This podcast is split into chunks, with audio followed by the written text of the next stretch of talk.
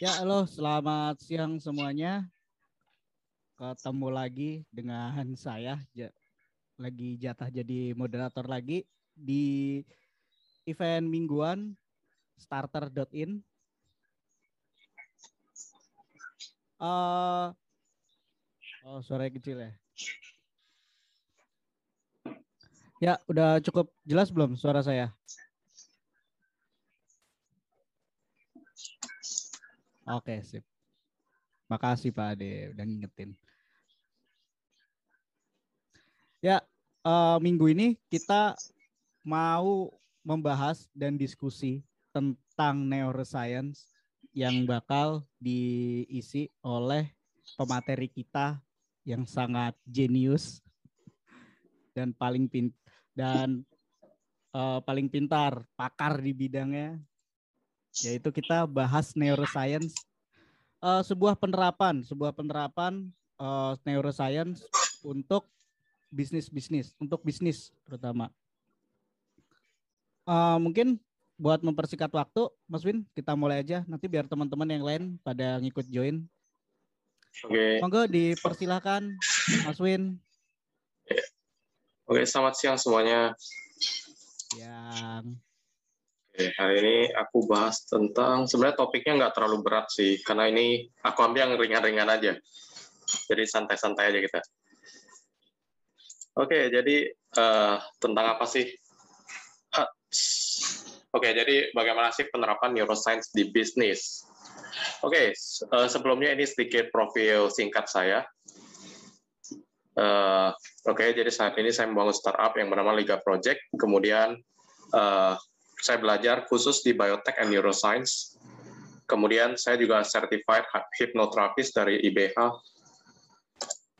Oke, jadi apa aja sih uh, fitur yang ada di neuroscience? Jadi kita pakai neuroscience itu bisa buat apa aja sih? Yang pertama, desain. Yang kedua adalah marketing. Nah, kenapa desain? Uh, karena desain itu sangat mempengaruhi jadi uh, ketika seseorang melihat desain itu dapat mempengaruhi otaknya dia, apakah dia mau membeli atau tidak, dia tertarik atau tidak, apakah itu mem memicu hormon di otaknya atau tidak. Nah, kalau untuk marketing itu adalah bagaimana metode kita untuk membuat orang itu merasa nyaman dan membeli produk kita. Kemudian setelah dia membeli produk kita, bagaimana caranya agar repeat order? Intinya kurang lebih seperti itu. Nah, jadi uh, dari tahap-tahapannya sebenarnya cukup simpel. Jadi dalam neuromarketing ada beberapa tahapan. Yang pertama adalah produk design. Jadi bagaimana kita mendesain sebuah produk yang dapat memicu otak manusia untuk membeli produk itu, kemudian kita package. Kenapa? Packaging penting karena packaging ini nantinya akan menentukan harga dan kalangan yang membeli produk kita. Kemudian metode marketing. Jadi untuk neuroscience sendiri ada banyak sekali metode marketing, salah satunya NLP dan lain-lain. Nanti aku akan tunjukkan beberapa contohnya. Kemudian bagaimana caranya kita membuat repeat order. Oke, jadi uh, dalam produk desain, apa yang harus kita perhatikan yang paling penting adalah visual and feel, apa pun produknya. Visual itu adalah apa yang kita lihat, packagingnya, produk yang kita buat, desainnya seperti apa, kemudian feel, apa yang dirasakan setelah melihat produk kita atau menyentuh ataupun mengkonsumsi produk kita. Oke, contoh Contoh yang sangat simpel adalah, oke, okay, ada bisa tebak kenapa uh, saya bilang produk itu sangat menentukan. Oke, jadi di sini adalah dua tipe kentang goreng. Uh, coba ditebak harga yang di samping kiri itu berapa, harga yang di samping kanan yang hanya lima buah kentang itu harganya berapa? Uh, yang di saya coba tebak ya. Oke. Okay. Kalau yang di kanan itu tampilannya eksklusif kayak gitu, pasti harganya yeah. udah nembus jutaan. Yang sebelah kiri Citato ya harga standar lima ribuan ke atas. Oke. Nah, apa yang membedakan desainnya? Terlihat jelas kan? Dari uh, Citato itu standar karena dia target pasarnya uh, pasar untuk yang kalangan umum. Sedangkan untuk produk yang di sebelah kanan itu adalah untuk yang eksklusif sehingga desain dan packaging yang dibuat kesannya mewah. Loh, kenapa kok uh, banyak Nah, ada alasannya kenapa produk-produk mewah itu identik dengan warna hitam dan ada sedikit tinta emasnya. Jadi uh, itu akan memicu kesan mewah di otak kita. Oke, jadi harga aslinya untuk yang sebelah kiri harganya hanya 22.000. Tapi harganya bisa saja berubah tergantung di mana lagi kita jual nantinya. Nah, yang sebelah kanan itu harganya 796.000, kalau dibulatkan 797.000. Hampir 800.000. Yang membedakan hanya uh, desain dan uh, packaging. Tapi walaupun memang uh, yang kanan ada menggunakan black truffle, kalau misalnya uh, kurang tahu itu sejenis jamur yang agak mahal di kandungan bahannya. Itu untuk memberikan kesan mewah Padahal sebenarnya kalau kita hitung-hitung, cost yang dibuat itu juga nggak semahal itu. Walaupun dia hanya taruh 0,00 sekian persen, itu tetap aja dianggap udah ada kandungannya. Nah, ini ada strateginya lagi nih. Oke, jadi eh, kesimpulan yang kita dapat dari sini adalah same product, different packaging, itu harganya bisa saja berbeda dan uh, rasanya itu sama saja berbeda. Contoh, Coca-Cola yang dijual di supermarket, dijual di minimarket, dan Coca-Cola yang dijual di hotel. Itu aplikasinya seperti apa? Tentu harganya beda kan, ya di supermarket harganya berapa, kemudian ketika di hotel harganya 25.000. Bedanya hanya cara, uh, hanya different packagingnya. produk different packaging itu yang tadi sebenarnya. Kemudian Eh, Coca-Cola juga itu disediakan dengan gelas dan lain-lain. Ini berarti same product, different seller. Kemudian, bahkan same product, same seller, same packaging, tapi cara untuk menjualnya itu berbeda, harganya pun bisa uh, berbeda, dan rasa yang ditimbulkan juga rasanya berbeda. Nah, nanti itu bakal bisa di itu kita bahas lebih lanjut. Maksudnya seperti apa? Oke, jadi apa sih contoh dari neuromarketing in real life? Ya secara sebenarnya secara nggak langsung itu bisa terjadi. Jadi uh, neuromarketing itu adalah metode kita menjual dengan memanfaatkan berbagai macam indera, tidak hanya satu. Oke, kenapa tidak hanya satu? Karena uh, indera manusia itu ada lima panca indera, penglihat, pendengar, perasa, dan lain-lain. Oke, penciuman, Nah, jadi uh, salah satu contoh yang paling sering dipakai adalah sense of smell atau penciuman. Karena ini yang paling mudah untuk menggoda. Jadi orang mencium bau itu ketika apalagi ketika perut sedang lapar, nah dia akan uh, memancing hormon di tubuhnya sehingga perutnya akan bunyi. Biasanya kalau uh, habis lapar tiba-tiba cium bau uh, tukang sate lewat itu pasti perutnya bunyi kan. Nah, itu karena uh, hal tersebut. Jadi asap ngebul tukang sate yang menggunakan sense of smell, kemudian Starbucks menggunakan uh, bau bau khas kopinya, kemudian bakery shop dengan parfum rotinya. Itulah kenapa ada uh, beberapa produk yang dibuat parfum yang baunya itu seperti itu. Nah, kemudian IKEA. Sebenarnya IKEA ini uh, menarik karena dia memainkan hampir semua feel yang Anda miliki. Contoh, ketika kamu masuk ke IKEA, apa yang terjadi? Jalannya itu berlorong-lorong kan? Kiri kanan itu kayak lihat ruangan, terus dibawa uh, ke peruangan-peruangan, Nah, itu itu dia memainkan uh, sense of feel dari kita sendiri sebenarnya. Kemudian naik ke atas, kemudian di setelah masuk di tengah-tengahnya ada yang jual makanan biasanya. Di situ buat beristirahat. kemudian jalan lagi, nah di situ baru peralatan-peralatan lagi. Baru kasir. Umumnya biasanya orang yang sudah terlanjur masuk, minimal ada beli satu atau dua produk. Nah, kira-kira mungkin nggak sih kalau uh, produk digital dibikin seperti itu? Ya mungkin banget. Itulah kenapa kita menggunakan landing page. Jadi landing page itu sebenarnya sangat mempengaruhi juga kalau untuk marketing ya. Jadi uh, sebenarnya untuk pembuatan landing page juga nggak bisa asal bikin. Jadi kita harus memikirkan, wah orang ini harus bisa merasakan apa nih ketika dia mengunjungi landing page kita. Sehingga dia akan, aduh, aku pengen nggak tahan nih untuk tekan tombol buy. Dan di saat itulah kita akan melakukan sell. Nah, jadi kesimpulannya adalah neuromarketing adalah cara untuk menjual dengan memanfaatkan kelima indera bukan hanya terbatas pada indera penglihatan. Itu ketinggalan indera penglihatannya. Oke. Nah, jadi uh, kalau misalnya kita cuma melihat doang, itu belum tentu kita akan beli. Ada banyak faktor lagi yang kita pasti akan perhatikan sebelum kita membeli kalau hanya mengandalkan penglihatan. Nah, kemudian step by step-nya itu seperti apa sih? Yang pertama, know your product. Tahu dulu produkmu apa.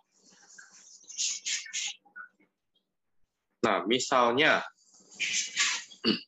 kita menjual dompet. Nah, kita harus tahu dulu pasar kita ke siapa.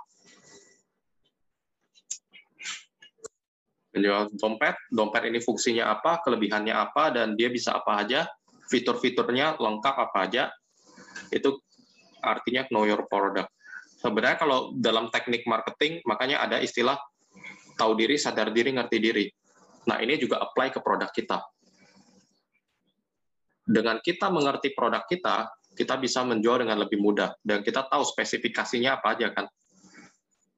Jadi kalau misalnya uh, orang-orang mau lihat produk kita, dia bakal penasaran nih. Dia pasti penasaran bisa apa aja dan apa hubungannya dengan dia. Nah, nanti itu akan berhubungan lagi dengan bagaimana cara kita menggait konsumer untuk membeli produk kita. Yang kedua, target market. Seperti yang tadi sudah dijelaskan, target market kita siapa? Kita mau kalangan atas, menengah ke atas, bawah, atau semua kalangan.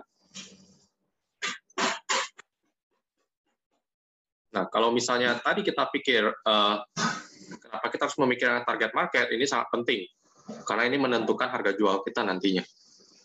Contohnya seperti yang tadi uh, aku sempat bahas tentang oke, okay, jadi same product different packaging, different price dan feel. Kemudian same product, same seller, same packaging, different way of selling, different price and feel. Pernah lihat Oreo? Kemudian, coba dibandingkan dengan Oreo Supreme. Packagingnya kurang lebih sebenarnya sama, hanya saja dia bekerja sama dengan produk uh, sama merek yang mewah, yaitu Supreme. Dan rasanya juga sebenarnya nggak beda jauh. Da, tapi harga jualnya itu bisa beda jauh. Yang satu di bawah 20.000, yang satu di atas 100.000 Nah, contohnya seperti itu. Target market. Jadi kita harus menentukan target market kita ke siapa aja. Kemudian, di sinilah kita meng-apply uh, teknik neuromarketing. Know your customer.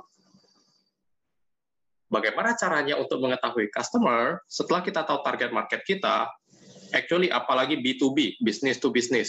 Ini cukup sering saya praktekkan jadi uh, pas saya nego dengan hotel dan lain-lain ketika saya mau mengadakan acara, biasanya saya manfaatkan ini. Sekarang teknologi udah maju, benar ya? Nah, jadi untuk tahu audiens customer kita sebenarnya itu sangat mudah. Kita hanya perlu buka tek LinkedIn atau enggak Facebook atau enggak Instagram. Terus kalau misalnya kita berbisnis, kita udah tinggal cari tahu nih namanya siapa nih.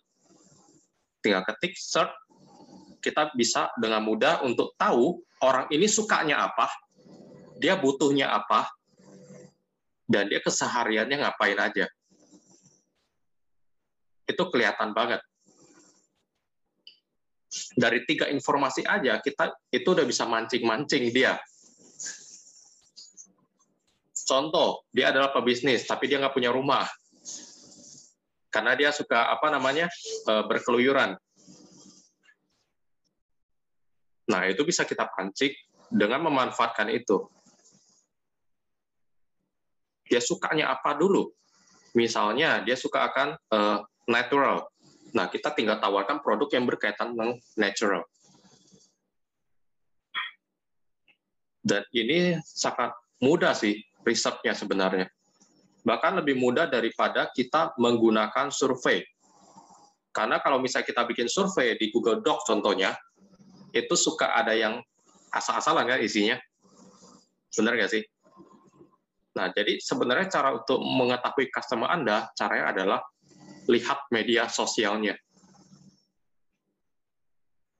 Karena walaupun dari sekian banyak orang yang memprivate uh, sosial medianya, itu juga ada lebih banyak lagi orang yang di public.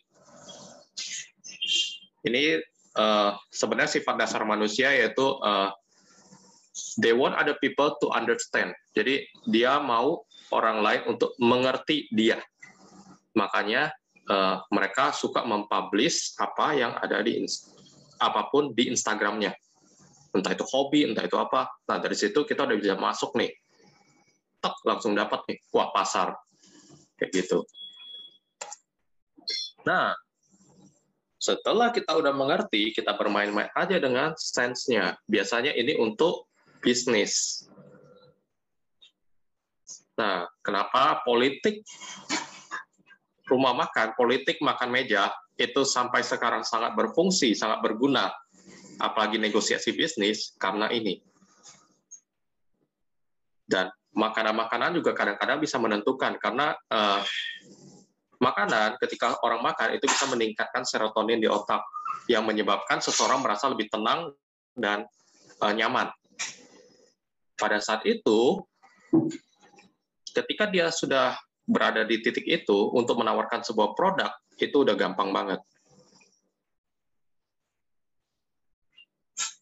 Apalagi kalau dia udah merasa nyaman banget. Nah, itu ketika kita tawarin produk, apa aja yang kita tawarin itu biasanya langsung oke-oke aja. Dan beberapa kali juga untuk menegosiasi event, saya bahkan tidak perlu proposal lagi. Dan langsung di-approve. Nah, jadi five sense. Kita bermain dengan five sense, jadi visual itu kita bikin package yang bagus, warna dan bentuk yang baik. Itu sesuai dengan target pasar kita. Jika kita mengejar target pasarnya adalah kalangan atas, kalangan menengah ke atas, kita sebisa mungkin membuat sesuatu yang harganya mewah, kelihatannya mewah, dan harganya tinggi. Kenapa harganya tinggi? They don't care about the quality. What they care is for actually price. Banyak orang kaya itu nggak peduli sama kualitas. Karena mereka menganggap harga adalah kualitas. Makin mahal produk itu, mereka makin tertarik untuk beli. Karena pada dasarnya sebagian besar orang kaya itu kebingungan bagaimana cara menghabiskan uang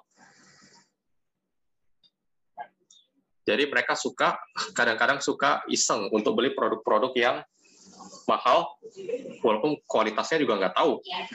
Makanya kenapa uh, untuk yang belum tahu nih, sebenarnya Indonesia memproduksi ikan itu paling banyak, ikan tuna ya. Kemudian kita ekspor ke Jepang, kemudian dari Jepang diekspor lagi ke Indonesia, dan harganya udah naik dua kali lipat. Contohnya seperti itu. Dan dibeli lagi sama orang kaya itu. Kurang lebih kayak gitu. Nah yang yang tahu ya senyum-senyum aja. Artinya cuan oke okay.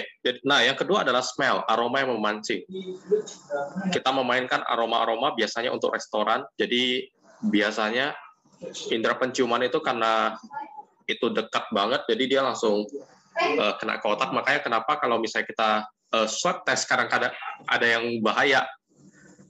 Pernah dengar nggak kejadian yang orang di swab test langsung itu tiba-tiba pingsan atau apa?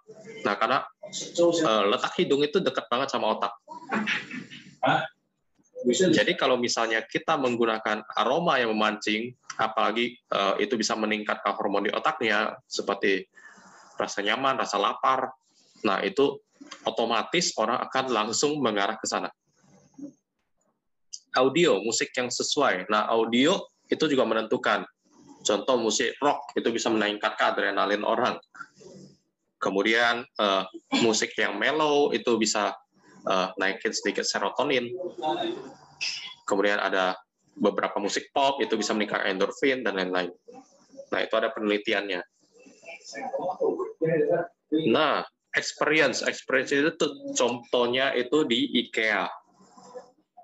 Jadi uh, kita membuat sebuah pengalaman kepada orang itu. Dan biasanya untuk landing page juga yang dijual adalah experience. Makanya kenapa uh, ada kalau misalnya landing page akan lebih bagus kalau ada sedikit game-game kecil yang berkaitan dengan produk kita dan itu bisa memancing orang untuk membeli. Nah, setelah itu adalah tes, makanan yang memicu endorfin dan serotonin secara alami. Contohnya coklat. Kenapa uh, kita jualan akan lebih mudah kalau misalnya kita nego nih bisnis, terus kita traktir nih makan uh, dessert. Kenapa itu bisa lebih efeknya lebih bagus? Nah, itu ada hubungannya dengan uh, makanan tersebut dapat memicu endorfin dan serotonin yang alami di otak. Sehingga orang itu ketika makan makanan itu, dia merasa nyaman dan tenang.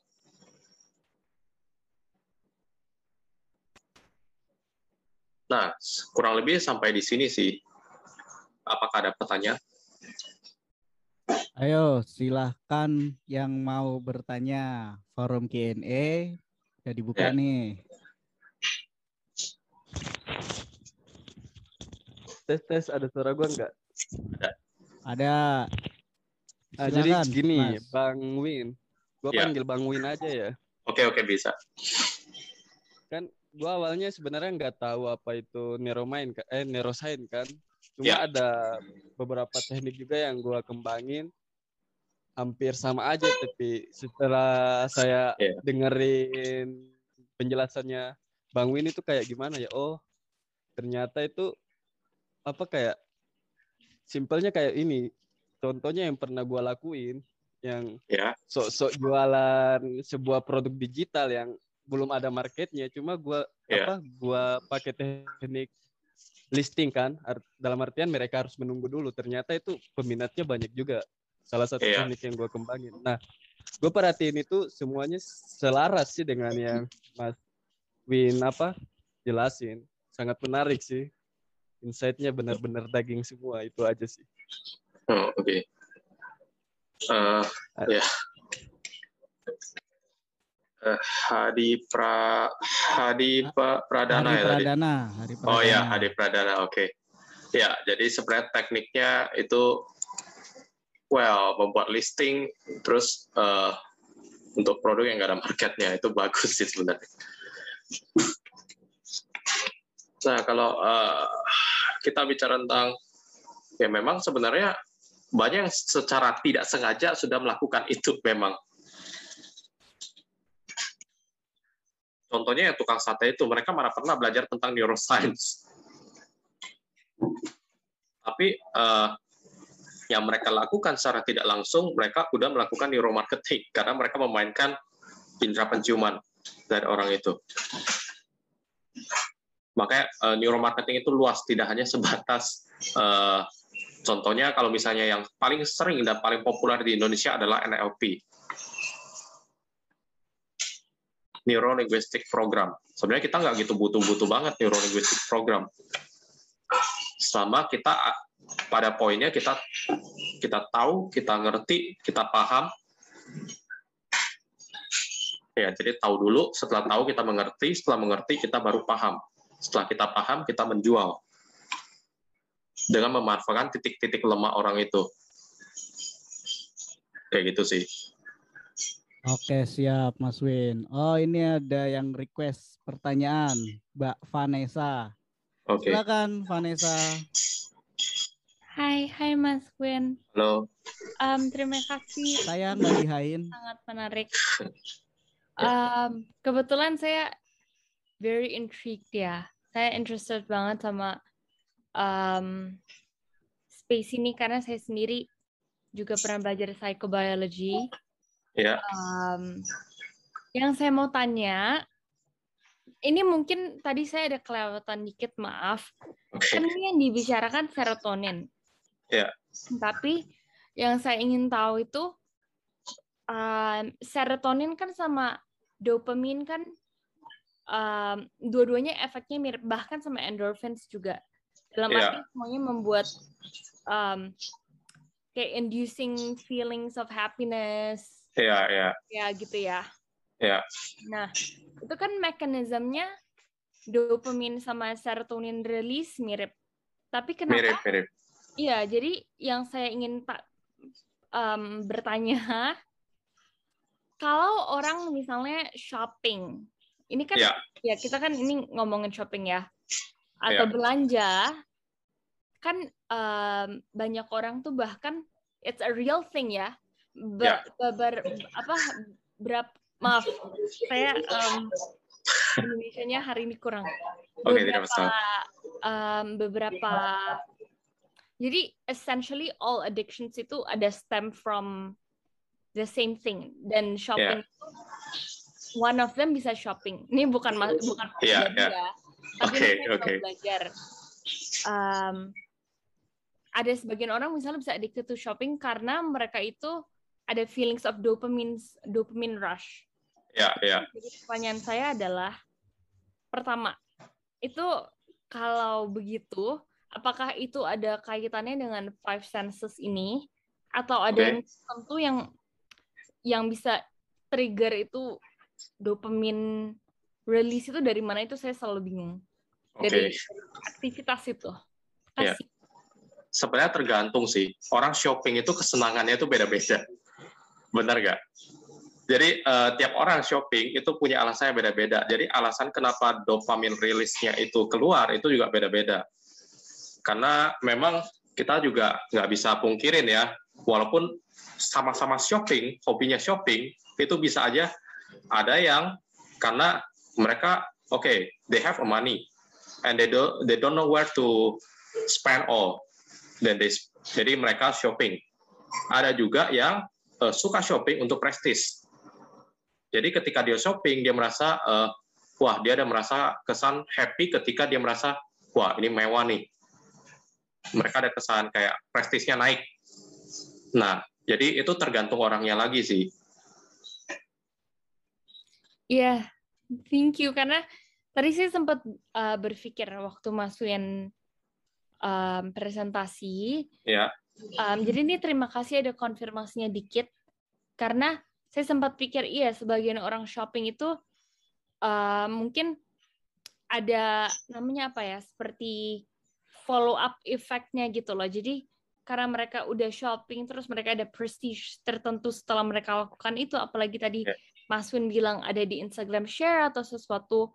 Nah, itu um, mungkin ada efek-efek neurology yang um, makin second effect itu ya secondary gitu. Iya, iya secondary effect. Makasih. Dan ya kalau misalnya umumnya kalau misalnya orang-orang uh, udah terkena dan dia malah asik dengan feeling that feeling kan itu katalis banget buat adrenal kan. Jadi jantungnya jadi lebih tenang kan. Ya, kurang lebih kayak gitu sih. Iya. Karena ya saya ya um, ya ada beberapa orang seperti itu ya saya setuju kasih. Oke. Okay. Sudah cukup terjawab ya, Vanessa. Yes. Uh, silakan, silakan. Uh, Pak Ade mau bertanya? Iya, Pak. Uh, bagus nih bahasannya nih. silakan Pak Ade, gini, silakan. Uh, jadi apa namanya? Saya pengen discuss juga atau nanti sharing-sharing gitu. Kan yeah. uh, kalau kita bicara startup kan yeah. pertama yang kita lakukan namanya design thinking ya. Design thinking yeah. ada kita lakukan entitled, define, ident, kemudian prototype, baru testing gitu loh. Yeah. Mungkin ini neuroscience ini kalau kita apa namanya bicara masalah app ya, mungkin kan yeah. kita hanya visual ya. Kadang-kadang uh, bentuk warna, bentuk huruf, kemudian ada mungkin bisa lah video audio bisa dimasukkan dalam suatu app gitu. Yeah. Suatu app. Yeah. Nah, kebetulan uh, saya sering membuat app, membuat prototyping. Mungkin yeah. uh, gimana Mas? Setelah apa? Uh, maksud saya ini selaku kita yang membuat gitu loh agar okay. lebih agar lebih mengena gitu ketika memang tergantung produk sih produk apa yang ditawarkan okay. Tapi yeah. mungkin secara umum mas secara umum aja mungkin apa sih kira-kira yang masukan dari Mas Win gitu loh nah, Oke, okay. ya, produknya lebih mengena gitu ya? Ah, lebih mengena gitu loh, dengan teknik okay. desain ini. Nah, kemudian yang kedua saya pengen tanya mas, apa apa ada hubungannya dengan mindfulness ya? Apa mindfulness? Apa namanya ini ya? Apa namanya dari neuroscience ini? Uh, mindfulness sebenarnya mindfulness oh, itu masuknya ke psikologi sih actually. Oh, gitu. ya kenapa? Karena uh, kalau misalnya kita bicara tentang istilah-istilah itu itu lebih masuknya ke psikologi karena kalau neuroscience contohnya nih uh, kalau misalnya kita bicara tentang pikiran sadar, pikiran bawah sadar, itu kita bicara tentang uh, elektropositif dan elektronegatif di otak yaitu jadi kalau misalnya K plus K plus masuk, N amin keluar, N amin masuk, K plus keluar. Itu reaksi yang ada di otak, umumnya seperti itu. Nah, kalau bisa kita bicara tentang gimana caranya untuk uh, bikin produk jadi lebih ngena, actually cara paling simpelnya adalah kita rasain dulu sendiri. Itu yang pertama. Jadi uh, ketika kita melihat itu, kita udah rasa enak atau belum. Setelah itu baru kita mulai coba tes ke orang-orang sekitar. Yang ngobrol-ngobrol simpel aja, korek-korek dikit itu biasanya orang akan bocor. Nah ini produk mereka tertarik atau enggak? Kalau tertarik, mereka akan bahas terus. Tapi kalau mereka mengalihkan pembicaraan, itu ada chance kemungkinan kalau orang itu tidak tertarik dan biasanya masalah-masalah masalah-masalah misalnya uh, design thinking produk-produk yang masalah-masalah yang ada di sini itu nggak jauh-jauh dari kita juga sebenarnya kita bisa lihat uh, asal jalan aja kita juga bisa nemu. Wah ini ada masalah. Solvingnya gimana? Kan tinggal uh, sesuai nggak sama bidang kita atau enggak makanya uh, kita pentingin di uh, tahu ngerti paham produk kita. Dengan begitu kita bisa bikin produk itu lebih ngena. Kalau bahasa psikologinya ya, kalau misalnya istilah NLP-nya juga ya, tahu diri, ngerti diri, paham diri. Ya ini kayak gitu sih. Ya berarti memang ini ya tetap berlaku gitu. Jadi kita uh, mengerti dulu paling enggak Eh, persona kita siapa gitu ya yang mau memakai mau menggunakan yeah. dan kita yeah. testing gitu nah, yeah. karena memang kalau untuk produk-produk uh, yang lain mungkin uh, bisa tapi kalau yang di app ini benar-benar ya, kalau nggak kalau nggak visual ya cuman ini ya apa namanya video gitu loh kadang yeah. jarang kita menggunakan audio kan jarang karena takutnya kan berat gitu ya video uh, kadang-kadang uh, audio sebenarnya nggak sengaja itu banyak loh musik itu audio musik yang kita pakai ketika kita membuat ads atau misalnya kita iklan itu audio loh. Video itu visual, suara itu audio. Berarti berarti penting penting juga ya kalau kita sertakan karena kan tadi kan bukan hanya satu ini ya indra yang kita pakai. Jadi iya. kalau kita mau membangun suatu apa namanya mungkin web atau aplikasi penting juga tuh mas berarti ya Iya, apalagi yeah, yeah. di dalam landing page gitu. Iya, yeah, iya. Yeah. nah, jadi kalau menurut saya sih saya masih apa namanya ini apa namanya mempertanyakan gitu apa apa kita harus uh, semuanya digunakan atau gimana ya kalau untuk di produk-produk yang digital nggak harus semuanya salah satu aja Cuk, yang nah, penting uh, ada satu visual ada satu yang mewakili itu juga udah bisa okay Entah itu penciuman, pendengaran, ya biasanya pendengaran sama experience sih kalau untuk uh, digital ya. Digital biasa audio sama experience. Oke. Ada contoh nggak mas kira-kira? Atau mungkin uh, lagi lagi dilakukan ini sebenarnya bikin app-nya seperti apa mas? Oke, okay, aku coba ini ya. Uh, bentar, gimana caranya stop share? Aduh, aku sudah lagi pakai. Eh, bukan. Nah, oh ya news ya. Oke, okay, jadi aku bakal. Oke, okay, jadi aku lagi urus di sini. Sebentar. Mana pindah ini ya?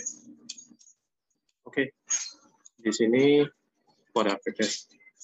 Oke, okay. ini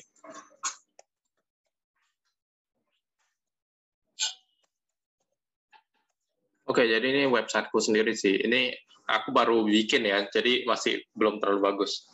Ini contoh-contoh singkatnya sih. Oke, specification. Ini aku belum pakai. Ini aku pakai experience. Jadi di sini nanti ada take a pic to our app, picking time. Nah di sini aku ada mainin tuh. Jadi dia bisa apa-apa aja nanti. Ini ada mini gamenya nanti. Nanti masih ini masih belum terlalu ini sih. Oh ini juga. Oke. Nah nanti di sini ada mini ada mini gamenya di sini nanti. Slide yang ini. Contohnya sih kayak gitu. Nanti bis nanti yang keluar kayak hasil-hasil analisa simple-simpelnya lah dari produk aslinya itu nanti. Kayak gitu. Siap. Apakah sudah cukup terjawab, Pak Ade? Oke, oke. Uh, ini ada pertanyaan dari Mas Edward nih. Oke. Okay. Uh, Mas Edward bisa open mic aja. Kan lebih enak tuh kalau tanya langsung. Oke, siap Mas. Thank you. Oke, okay, silakan uh, Mas. Uh, siang Mas. Ya, siang. Ya, uh, thank you materinya uh, keren banget. Uh, mau tanya nih, hmm? uh, kalau misalnya implementasi di website gitu, yeah. itu ada kira-kira yang uh, urutan sense yang bisa kita optimalkan gitu. Misalnya di bagian awal di homepage gitu ya, kita yeah. prioritaskan untuk uh, visualnya dulu, kemudian mungkin ada video gitu ya untuk uh, audionya dan seterusnya. Baru di bagian bawah seterusnya itu bisa untuk teksnya saja gitu ya kayak visualnya aja gitu. Oh oke okay. ya sebenarnya kalau urutan itu nggak ada sih urutan itu ada urutan baru ada kalau misalnya uh, kita step by step untuk pembuatannya tapi kalau untuk misalnya desainnya sendiri itu sebenarnya nggak ada ukuran yang pasti jadi uh, tergantung uh, sukanya itu seperti apa dan kira-kira kita mau bawa konsumennya itu seperti apa. Jadi kita mau mainin audionya dulu baru visual itu juga nggak masalah. Visualnya dulu baru audio juga nggak masalah. Yang penting itu gimana kita uh, maksimalkan resource yang kita punya. Kita bisa uh, bawa audiens itu ke mana, bawa customer itu ke mana dengan desain kita.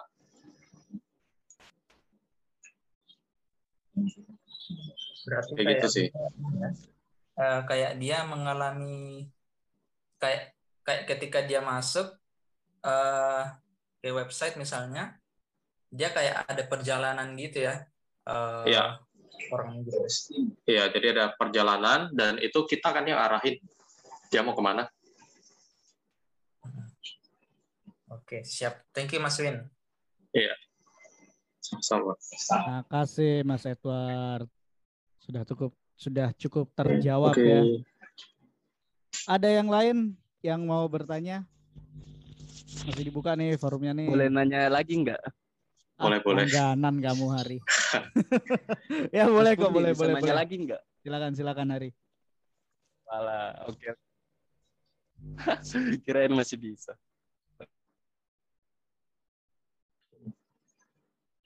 Maaf saya saya saya saya. Hari hari. Oke, silakan. Ya. Saya saya saya Mas, saya Mas. Ya, ya. Enggak enggak ini ini ini ini buat gue sangat tertarik sih karena gue juga bergelut di dunia ini sih. Nah, gini yeah. mas kan saya awam nih nggak mengerti bahasa bahasa kedokteran atau bahasa yang pas. Iya. Tes tes kedengeran nggak? Kedengeran kedengeran.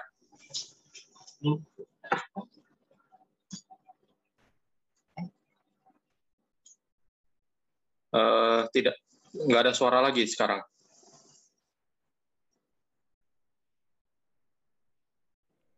Halo Mas Hari. Loh. Iya. Hilang suaranya. Hilang suaranya. Semoga orangnya nggak hilang juga. Ayo next. Mas Hari ini lagi menghilang nih. Yang lain yang mau bertanya? Yang lain. Oh ada Mas Armando Orlan.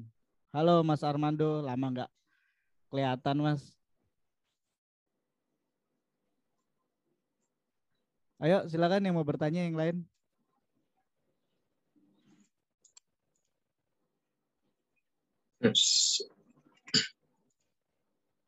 Gak ada ya? Kayaknya udah. yeah. Saya aja deh yang bertanya mas. Tes tes. Oh ah, iya, masuk. Oh ya, monggo Mas Rian, dipersilakan oh, Mas. Ya sorry tadi keputus-putus sebenarnya dengarnya. Jadi saya pernah dengar juga uh, ini serupa ya apa namanya uh, webinar serupa tentang neuroselling. Terus di yeah. waktu itu tuh yang dibahas tuh ini otak reptil, otak reptil. Aku tuh nggak, oh, nggak ini sih, uh. nggak, nggak sampai sekarang tuh nggak paham gitu. Nah, apa mereka itu waktu itu ngomongin otak reptil? Nah, Oke. Okay. Bisa uh. nggak? apa? Aku sederhanakan, aku sederhanakan aja ya. Iya. Jadi otak reptil itu yang mereka maksud otak reptil itu mostly sebenarnya adalah talamus di bagian otak Bener kan? Dia pernah sebut talamus kan? Kata talamus kan? Atau enggak hipotalamus? Pasti pernah kan? Ketika bahas tentang itu. Nah, jadi sederhananya hipotalamus atau talamus. Oh, oke okay, oke. Okay, ya, okay. hipotalamus dan talamus ya dua dua bagian otak ini. Nah, sebenarnya simpelnya begini. Dua bagian otak ini adalah bagian otak yang mengatur tentang perasaan seseorang, feel yeah. feelingnya seseorang. Makanya disebut otak reptil karena uh, kita bisa senang, bisa sedih, bisa takut, itu karena ada itu. Jadi kita uh, lebih simpelnya kita sederhanakan aja otak yang ngatur uh, bagian yang ngatur tentang perasaan. Jadi hati aja lah kita anggap sebagai hati. Oh, Kalau bisa lebih gampang mengertinya. Iya. Kan okay, orang okay. mengerti hatinya seperti ini, seperti itu kan. Ya, jadi cara kerjanya ya sebenarnya di situ. Jadi bagian situ yang mengatur tentang orang itu bisa senang, bisa sedih, bisa marah, bisa apa takut. Nah, takutnya itu sendiri ada pengaturannya lagi di dalam bagian otaknya. Jadi lebih simpelnya itu adalah bagian otak yang mengatur tentang perasaan. Jadi kita mainkan di sana, membuat orang itu merasa nyaman. Ya kurang lebih sama sih. Cuma itu bahasanya agak terlalu ilmiah aja.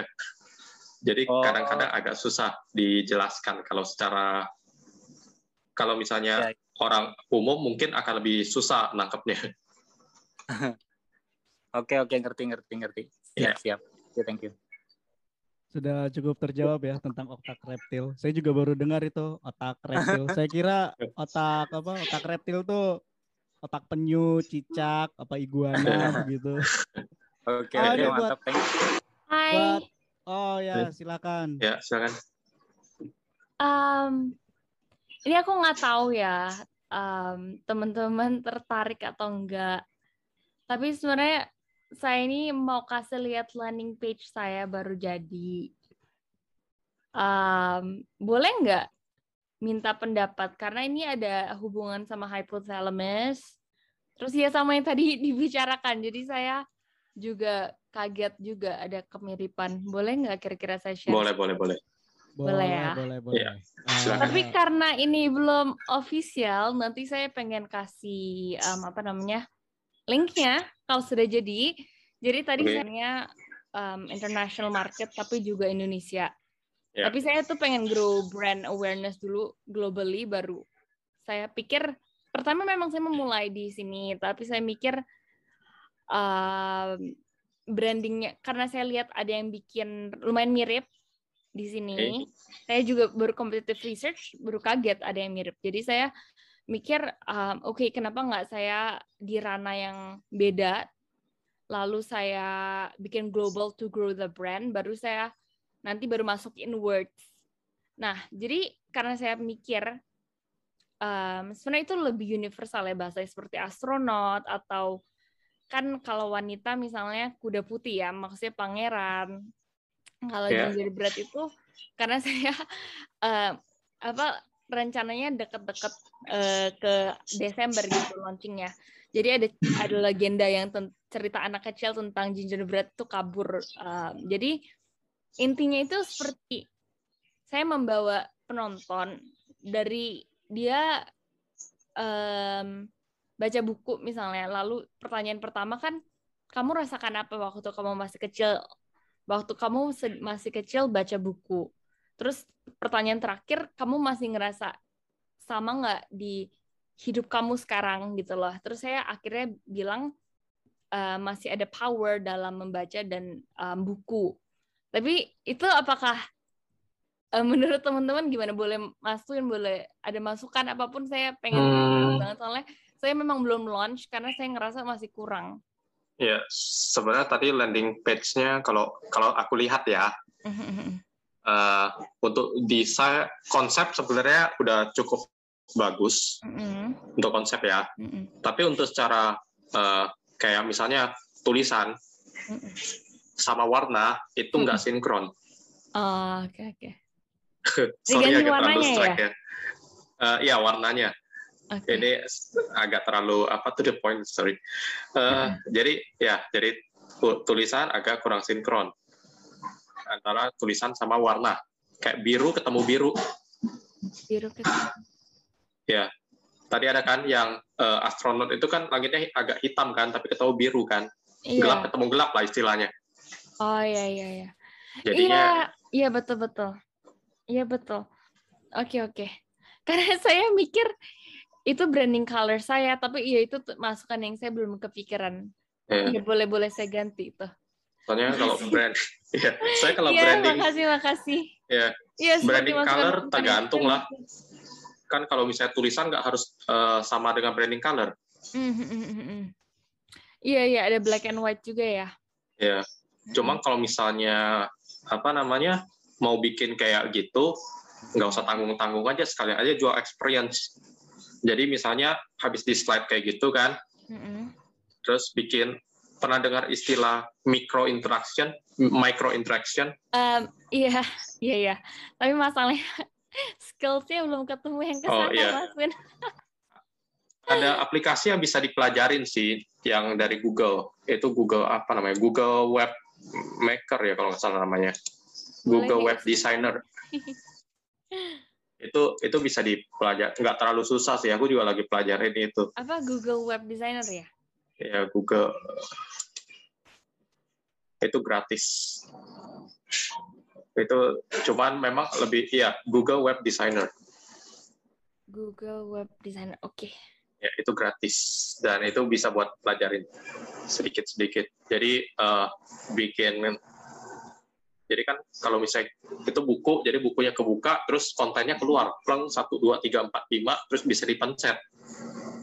Oh itu keren banget sih. Ya. Yeah. Oh ya ini saya baru ketemu, ya saya nggak pernah dengar. Ya, yeah. cuma Google Web Designer memang agak ribet karena di ukuran. Kita harus misalnya kita harus bikin perukuran desainnya. Jadi uh, di HP bisa, di laptop bisa, oh, yang, di tablet yang ini bisa. juga mas, yang ini saya juga belum selesai di HP dan lain-lain. Iya makanya. Masih glitch itu. Yeah. Oke saya kasih video gitu aja. Iya enggak, pasti landing page saya juga masih banyak glitch kayak tadi. Tapi um, maksudnya dari ini ada ceritanya ya. Jadi maksudnya, aduh saya maksudnya yeah. maksud terus. Oke okay, boleh. ada ada ada menyangkut sama yang tadi Mas Sun ajarin nggak misalnya ke adopsi nggak? Ke adopsi, maksudnya gimana? Kan tadi Mas Sun uh, ngajarin misalnya senses dan lain-lain kayak iya. experience, yeah. seperti experience seperti ini, um, visuals. itu ada masuk atau masih harus banyak work in progress nih? Itu itu sebenarnya udah masuk ke experience sih. Ya? Visual experience ya, cuman ya kayak tadi kayak lagu, uh, gambar lagu. gambar bukunya juga masih kurang ini kan. Hmm. Animasi bukunya terus uh, apa namanya? Uh, warnanya juga belum terlalu sinkron. Ya saya bahkan masih belum taruh logo um, di buku sih. Walaupun udah ada logonya tapi belum saya vektorin. Belum selesai semua. Oke. Okay. Kasih. Yes, sama-sama. Cukup mencerahkan ya Mbak Vanessa. Hmm? Oh, iya mencerahkan. mencerahkan iya, ya. saya mikir dulu. okay. Ada rekomendasi buku neuroscience untuk oh ada pertanyaan dari Pradana ya. Oke, silakan. Ada rekomendasi buku neuroscience untuk orang awam kah? Oke, sebenarnya kalau misalnya mempelajari ini agak-agak susah sih buat ketemu bukunya. Kalaupun ada bahasa Inggris dan bahasa-bahasanya juga agak-agak uh, scientific biasanya. Jadi sebenarnya kalau mau pelajaran-pelajaran tentang ini, mungkin aku belum terlalu tahu sih untuk buku ya untuk yang neuroscience untuk awam.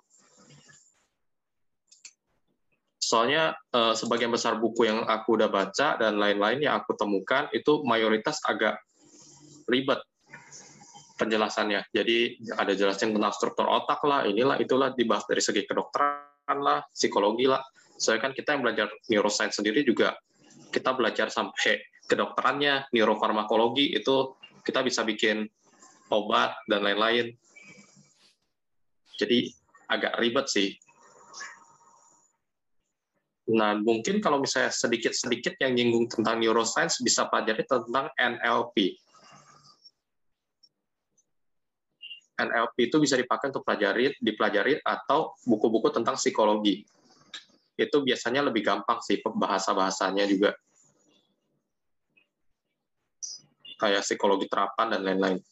Kalau untuk yang exactly untuk tentang neuroscience untuk orang awam mungkin agak susah sih. Karena di Indonesia juga baru satu kampus kan yang ada jurusan ini dan kalau misalnya untuk yang lain kayak UI itu harus ambil kedokteran dulu baru bisa dapat neuroscience.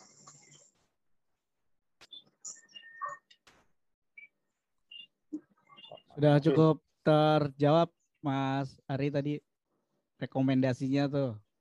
Oh ya buat teman-teman di sini yang yang ketinggalan nih materinya nanti bisa uh, cek ke YouTube. Uh, linknya saya taruh di chat. Silakan share, like, and subscribe. Subscribe maksudnya. Silakan. Rina Meyanti. Ah, Rina. Silakan Mbak Rina Meyanti. Halo, selamat siang semua. Halo, selamat siang. Siang Mas Win, makasih materinya keren banget. Terima kasih. Mungkin yang aku tanyain, nggak tahu tadi mungkin udah ada dibahas, tapi mungkin agak kurang jelas aku ya. Okay, uh, ya. Kalau misalnya uh, bisa nggak kayak neuroscience diterapin ke kayak presentasi pitch deck gitu, kayak misalnya apa yang harus kita kayak highlight gitu loh di pitch deck, misalnya kayak colornya atau colornya itu harus sesuai dengan uh, logo kita, maksudnya kayak warna yang kita pakai di di produk kita, di startup kita, atau kita kayak tadi kan kalau mau apply neuroscience kan kita harus lihat target nih. Nah yeah. kalau kita presentasi pitch deck, apa juga kita harus lihat uh, kayak visi misalnya. Kayak visinya kalau misalnya satu sih bisa ya kita kayak lihat-lihat gitu.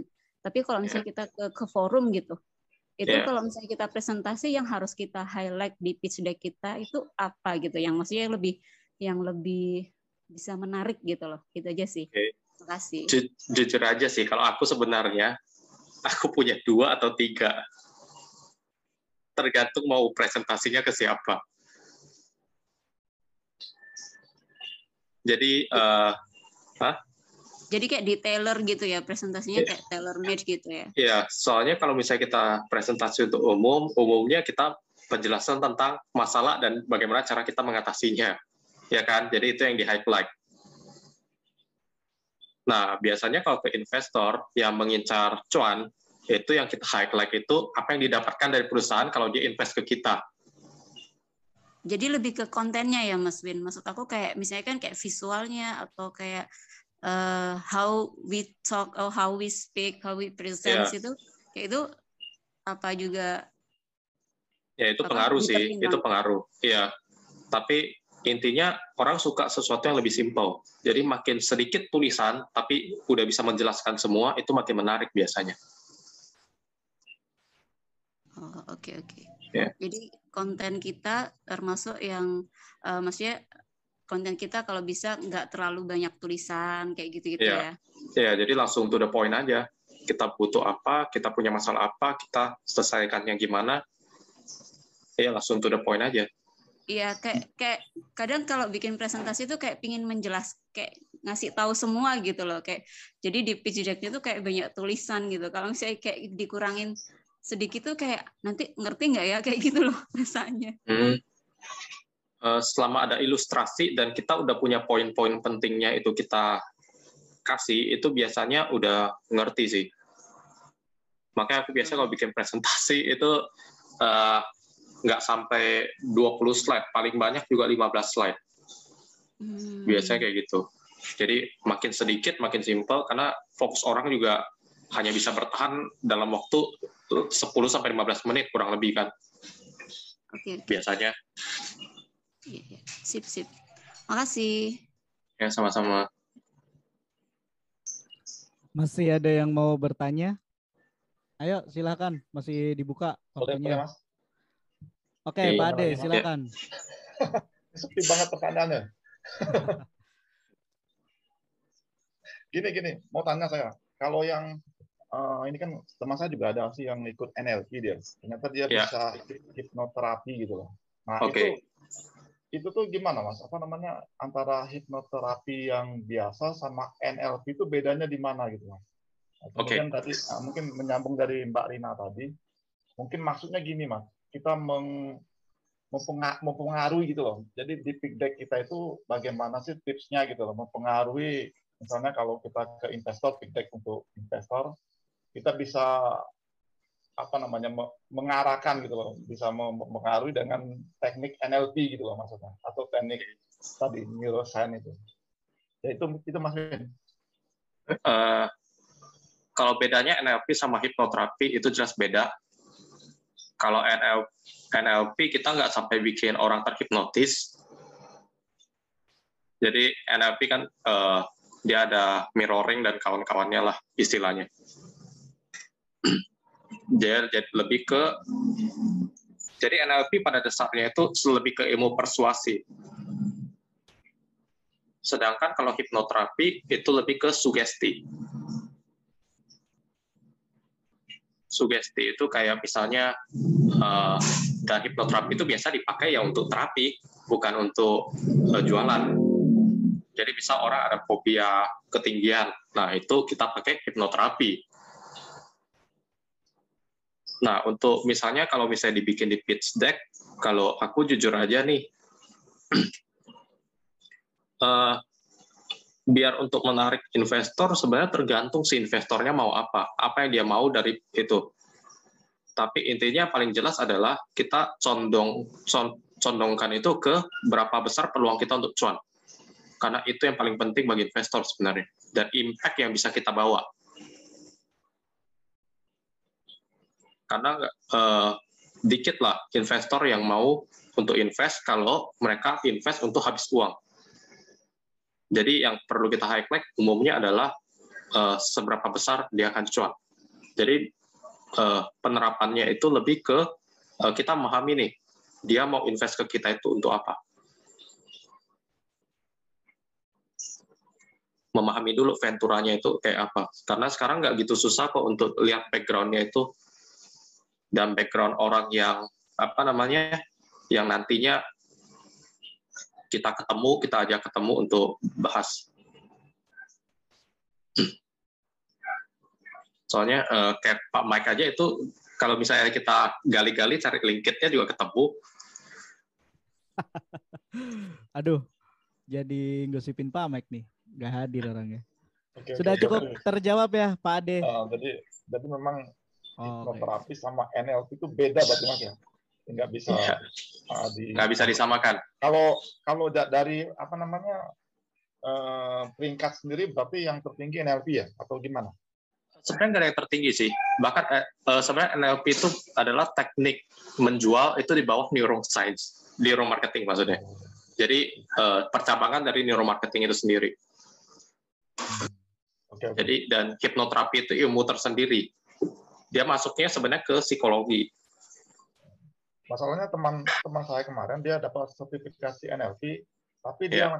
melakukan juga hipnoterapi gitu. Tapi iya. hipnoterapinya yeah. beda, cuman beda. Gimana, sugesti atau gimana gitu.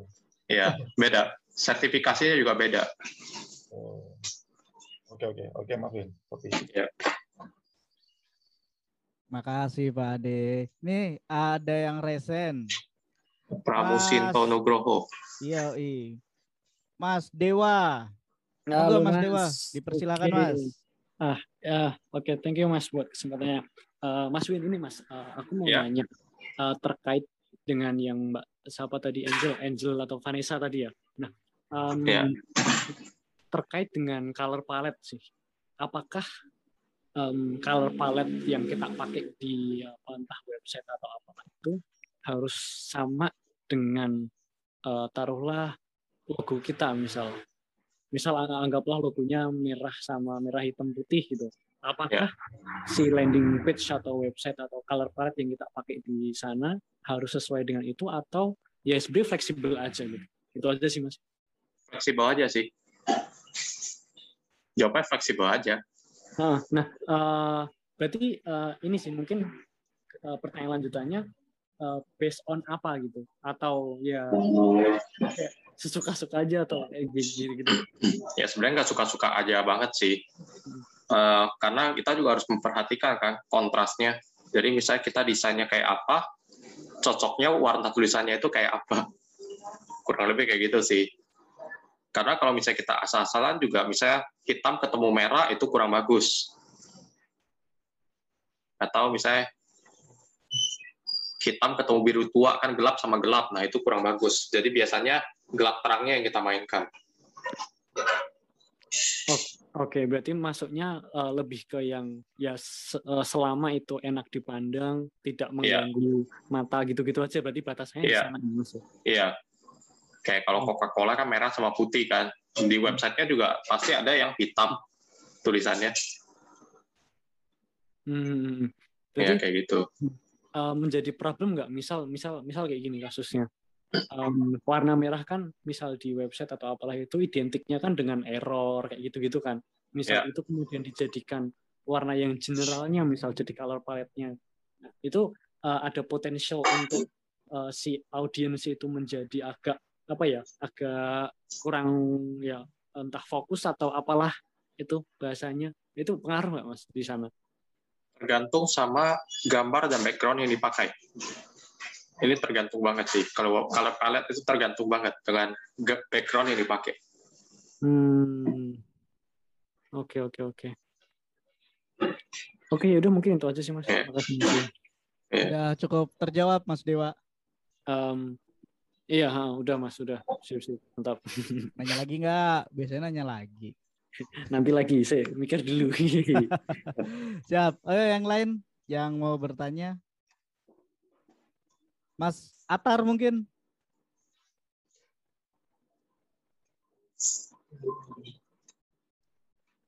Oh, kosong.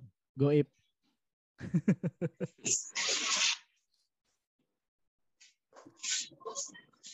uh, saya aja deh yang bertanya, Mas. Mas Win. Iya, iya. Nah, uh, gini, Mas. Uh, karena kita masih bahas neuroscience itu. Ya. Saya mau lebih tanya ke arah warna aja sih mungkin. Oke. Okay. Warna. Nah, ada nggak sih, uh, Mas, kayak apa? beberapa warna gitu, beberapa warna yang bisa dicontohin yang menyimbolkan yang menyimbol apa? Menyimbolkan makna tertentu uh, atau kayak makna kenyamanan, makna oh, okay. safe, terus uh, apa? warna-warna yang bikin lapar segala macam. Oke. Okay. Itu Mas. Ini sedikit. dikit dong. uh, riset singkat sih yang pernah aku lakuin ya. Aku share screen aja deh. Oke. Okay. Nah, jadi ini. Ini riset putih. Jadi aku pakai tujuh warna dasar ya. Magiku Hibiniu. Merah, jingga, kuning, ya, biru, nila, ungu, hitam. Nah, ini saya pakai lima warna dasar. Biasanya kalau misalnya untuk biasanya akan lebih berpengaruh lagi kalau ada gambarnya. Jadi gambar itu juga bisa mengubah mood lagi. Tapi kalau hanya berdasarkan warna, kurang lebih kayak gini.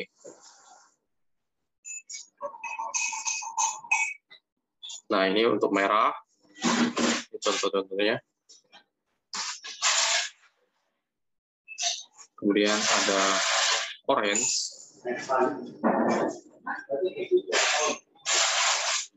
kemudian kuning.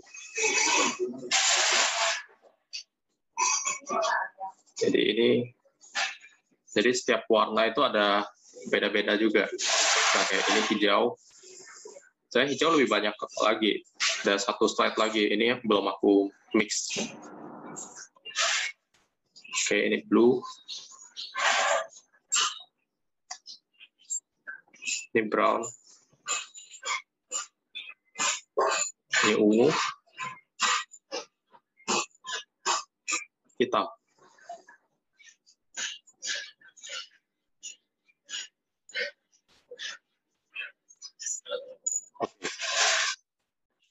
gitu sih. Jadi ada ada memang ada indikator indikatornya juga. Oke siap siap siap. Uh, cukup membantu untuk menjawab itu saya. Saya juga apa uh, gerak di bidang itu ya desainer grafis juga ya. Kadang. Uh, apa ada nggak pernah dapat datanya gitu loh. oh, tentang, oh, iya. uh, uh, tentang warna gitu itu orang desain tuh mesti paling pusing masalah warna daripada masalah yeah. grafisnya memang ada nyocokin warna yeah. ini juga riset riset itu dulu doang sih masih riset pribadi dan kemudian dianalisa juga loh kok benar ya orang-orang yang suka warna ini cenderung kayak gini di situ sih. Oke okay, oke. Okay. Kalau warna mas, kalau masalah warna tadi tuh ya. udah dari semua. Menurut Mas Win sendiri, warna apa yang paling cocok untuk bidang kuliner mas? Menurut Mas Win. Kuliner pedas pasti merah. Kuliner pedas pasti merah. Atau, atau kuning, itu udah pasti. KFC bukannya eh merah. bukannya merah kuning ya? Merah kuning kan? Merah kuning dia. Ya. Mostly merah sih. Merah atau enggak kalau misalnya mau bikin kuliner yang uh, nuansanya kesegaran nih, biasanya hijau. Mostly hijau. Hmm. Ada beberapa restoran juga kan yang pakai warna hijau. Iya, iya, iya. Jadi tergantung lah uh, apa ya, suasana yang mau dia bawa itu ke mana. Kalau untuk makanan organik juga hijau, Mas. Hijau, hijau tuh banyak banget kan? sih, Mas. Iya, hijau kuning. Malah hijau sama kuning. Ada juga. Oke, okay. buat teman-teman tuh yang mau startupnya bergerak di bidang kuliner, mungkin bisa manfaatin warna-warna itu yang baru aja disebutin oleh Mas Win. Terus tadi risetnya juga udah ditampilin di share screen juga. Selanjutnya siapa ya yang mau bertanya? Wah, partisipannya tinggal 9000 ini. Pada ke mana? Kalau buat olahraga Mas, kira-kira apa ya Mas? Pak palet ini warnanya. Silakan Mas Dewa. Olahraga. Hmm. Olahraga. Hmm. Oke. Okay. Feelnya olahraga gimana? Olahraga banyak banget loh Mas. Catur yeah. olahraga. olahraga, olahraga yang kompetitif olahraga yang oke okay. tergantung jujurnya kalau itu tergantung karena uh, olahraga sendiri kuning sama oranye itu melambang energi. Merah itu uh, juga melambangkan uh, keberanian kekuatan uh, ambisi untuk menang. Kemudian biru itu melambangkan uh, ketenangan tapi di balik ketenangan itu ada sifat ambisius yang itu. Jadi itu bisa juga dipakai. Itu tinggal kita gimana kita kelola bentuk dari logonya. Birunya lebih ke biru apa tuh mas kira-kira? Uh, biasanya biru muda atau biru tua, sama aja sih. Hmm. Kalau biru muda biasanya olahraga air sih, ah, iya, mostly, iya. ya kan? Hmm. Betul betul. Oke. Okay. Sudah cukup terjawab, Mas Dewa. Oh, berarti ini ya Mas, fine fine aja ya ketika color apa, color antara color palette dengan logo warnanya agak beda pun ya it's okay ya. Ya asalkan nggak sampai orang lihat, wah ini apa sih mengganggu hmm. banget nih. Nah jangan sampai kayak gitu kejadiannya. Yang ada itu hmm. malah bunuh diri namanya. Oke okay, oke. Okay. Nah itu mungkin bisa dimanfaatin buat brand identity juga Mas Dewa. Nah, aku aku boleh boleh boleh izin share screen nggak mas buat menunjukkan ini apa landing page yang masih di oh, proses ini. Boleh nggak Mas Win bersedia nggak? Boleh boleh. Konsultan dadakan nih. Bentar, saya jadiin kaos dulu ya. ya Oke. Okay. Nah, ngomong tinggal dikit nih orangnya. ya. Oke. Ini cara lewat HP gimana ya? Bentar ya Mas. Silakan Mas. Udah saya jadikan co-host screen. Nah, udah udah muncul belum mas? Nah, oke. Okay. Nah, ini ini kan uh, kasusnya logonya kan merah ya, merah sama hitam, hitam putih. Yeah. Nah, iya. kemudian yeah. di ininya kan kita pakai pakai biru, biru biru biru tua gitu. Oke. Okay. Ini ya Nah ini kan tadi yang yang merah yang apa tadi sempat aku mention itu mas kayak yeah. uh, sempat apa dapat masukan kalau merah itu untuk error harga atau semacamnya kayak gitu gitu. Iya. Yeah. Ya ya udah sih mas baru itu itu aja sih baruan. Oh oke okay. sebenarnya itu udah itu udah bagus sih sebenarnya sudah. Walaupun sebenarnya kalau misalnya pernah lihat kayak kita bikin desain yang kayak seribu startup itu sebenarnya juga bagus merah sama putih, iya kan? Hmm. Hmm. Nah itu ini aja sih. Kalau misalnya pengen matching sama logo ya, tapi kalau enggak nggak terlalu apa namanya itu juga udah itu juga udah bagus. Hmm.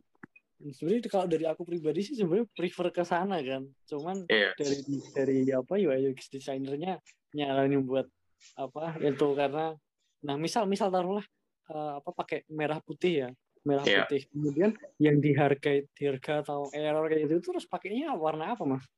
Uh, kalau misalnya merah harga ya udah ujung-ujungnya putih juga. Makanya hmm. kenapa uh, di sisi lain dia ambil warna biru itu karena biru itu lebih meyakinkan biasanya. Hmm. Jadi orang biasanya kalau misalnya untuk produk-produk yang kayak uh, apa namanya yang butuh bikin orangnya yakin dulu baru beli, mostly dia ada birunya. Hmm, ya, ya. Karena biru itu punya, bikin rasa agak sedikit yakin gitu. Hmm. Oke oke. Oke. Sangat menjawab Mas Bundi. Oke, ada yang bertanya lagi? Gak usah ditanya.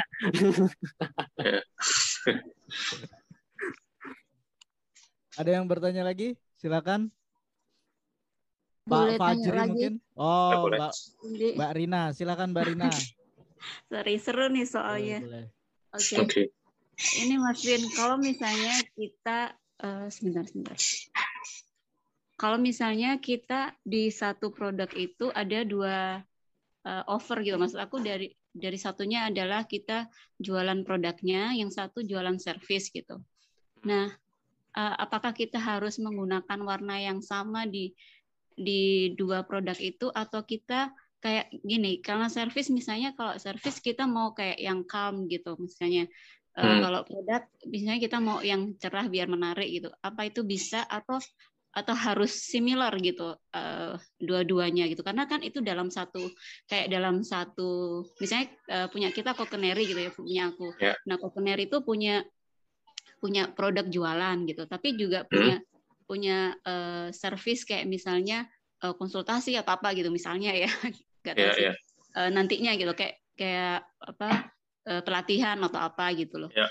Nah, apakah kita harus pakai warna yang sama di di dua uh, page itu ataukah bisa berbeda gitu loh. Ngaruh nggak kalau misalnya kita sama atau beda? Itu sih. Makasih. Tergantung desainnya gimana sih, tapi bisa aja beda. Boleh aja beda. Tergantung kita mau bawa ini ke mana. Oh, gitu. Ya. Tapi maksudnya nggak ngaruh ke kayak misalnya target kita kayak, kayak ini kan kayak Gojek gitu. Gojek kan ada GoSend, ada apa, tapi kan mostly mereka tetap hijau gitu. Ya, nah, mereka tetap hijau. Uh, uh, nah, uh, kalau misalnya beda itu nanti uh, kira-kira nggak ngaruh kan? Maksudnya selama kita apa ya? Maksud aku sih apa ngaruh ke customer kita atau apa gitu? Kayak kok kok nggak hmm. sama sih gitu loh? Kayak ke brandnya gitu loh. Kan brandnya ya, warnanya merah, tapi kok yang di yang di servisnya dia pakai warna biru atau abu-abu atau apa gitu loh. Oke, sebentar ya, aku matiin itu. Oke. Nah, jadi uh, aku contohin dulu ya. Oke. Okay. Oke, okay. Gojek produknya kan hijau, benar ya? Untuk iya. semua yeah. produknya dia bikin hijau. Itu karena desain aplikasinya. Oke. Okay. Hmm. Kalau misalnya ibu tekan Go Club, apa yang terjadi? Warnanya jadi ungu. Apa itu yang itu yang apa itu? Kok nggak Go Club. Go Club. Jadi kayak keanggotaannya. Oh, belum pernah lihat sih masalahnya. Oh, ya. oke. Okay. Nah, hmm. keanggotaannya warnanya malah ungu. Dia nggak hijau. Oh, jadi tergantung di mana penempatannya aja. Oh gitu, oke oke. Iya. Oh, berarti nggak mas masalah ya berarti. Nggak ya? masalah, iya. Oke, siap, makasih. Sama-sama. Makasih Mbak Rina sudah bertanya. Ada lagi mungkin di sini. Ini ada Pak Fajri dan Mbak Lala. Kalau mau bertanya forumnya masih dibuka loh ini. Dipersilahkan. Tadi agak terlambat, Mas. Ikut ikut ya, uh, apa. Silakan, oh, Jadi, saya jadi ya. menyimak dulu deh. oh, iya. Okay. Uh, jam 14.30 ya? 14.30. Mm -hmm, berarti bentar lagi ya. ini udah mau ditutup uh, masih ada yang mau bertanya? Kalau enggak saya bertanya lagi nih. uh, ini Mas Win. Tadi kan okay. soal warna. Yeah. Sekarang soal itu. Uh, kasih sedikit gambaran dong.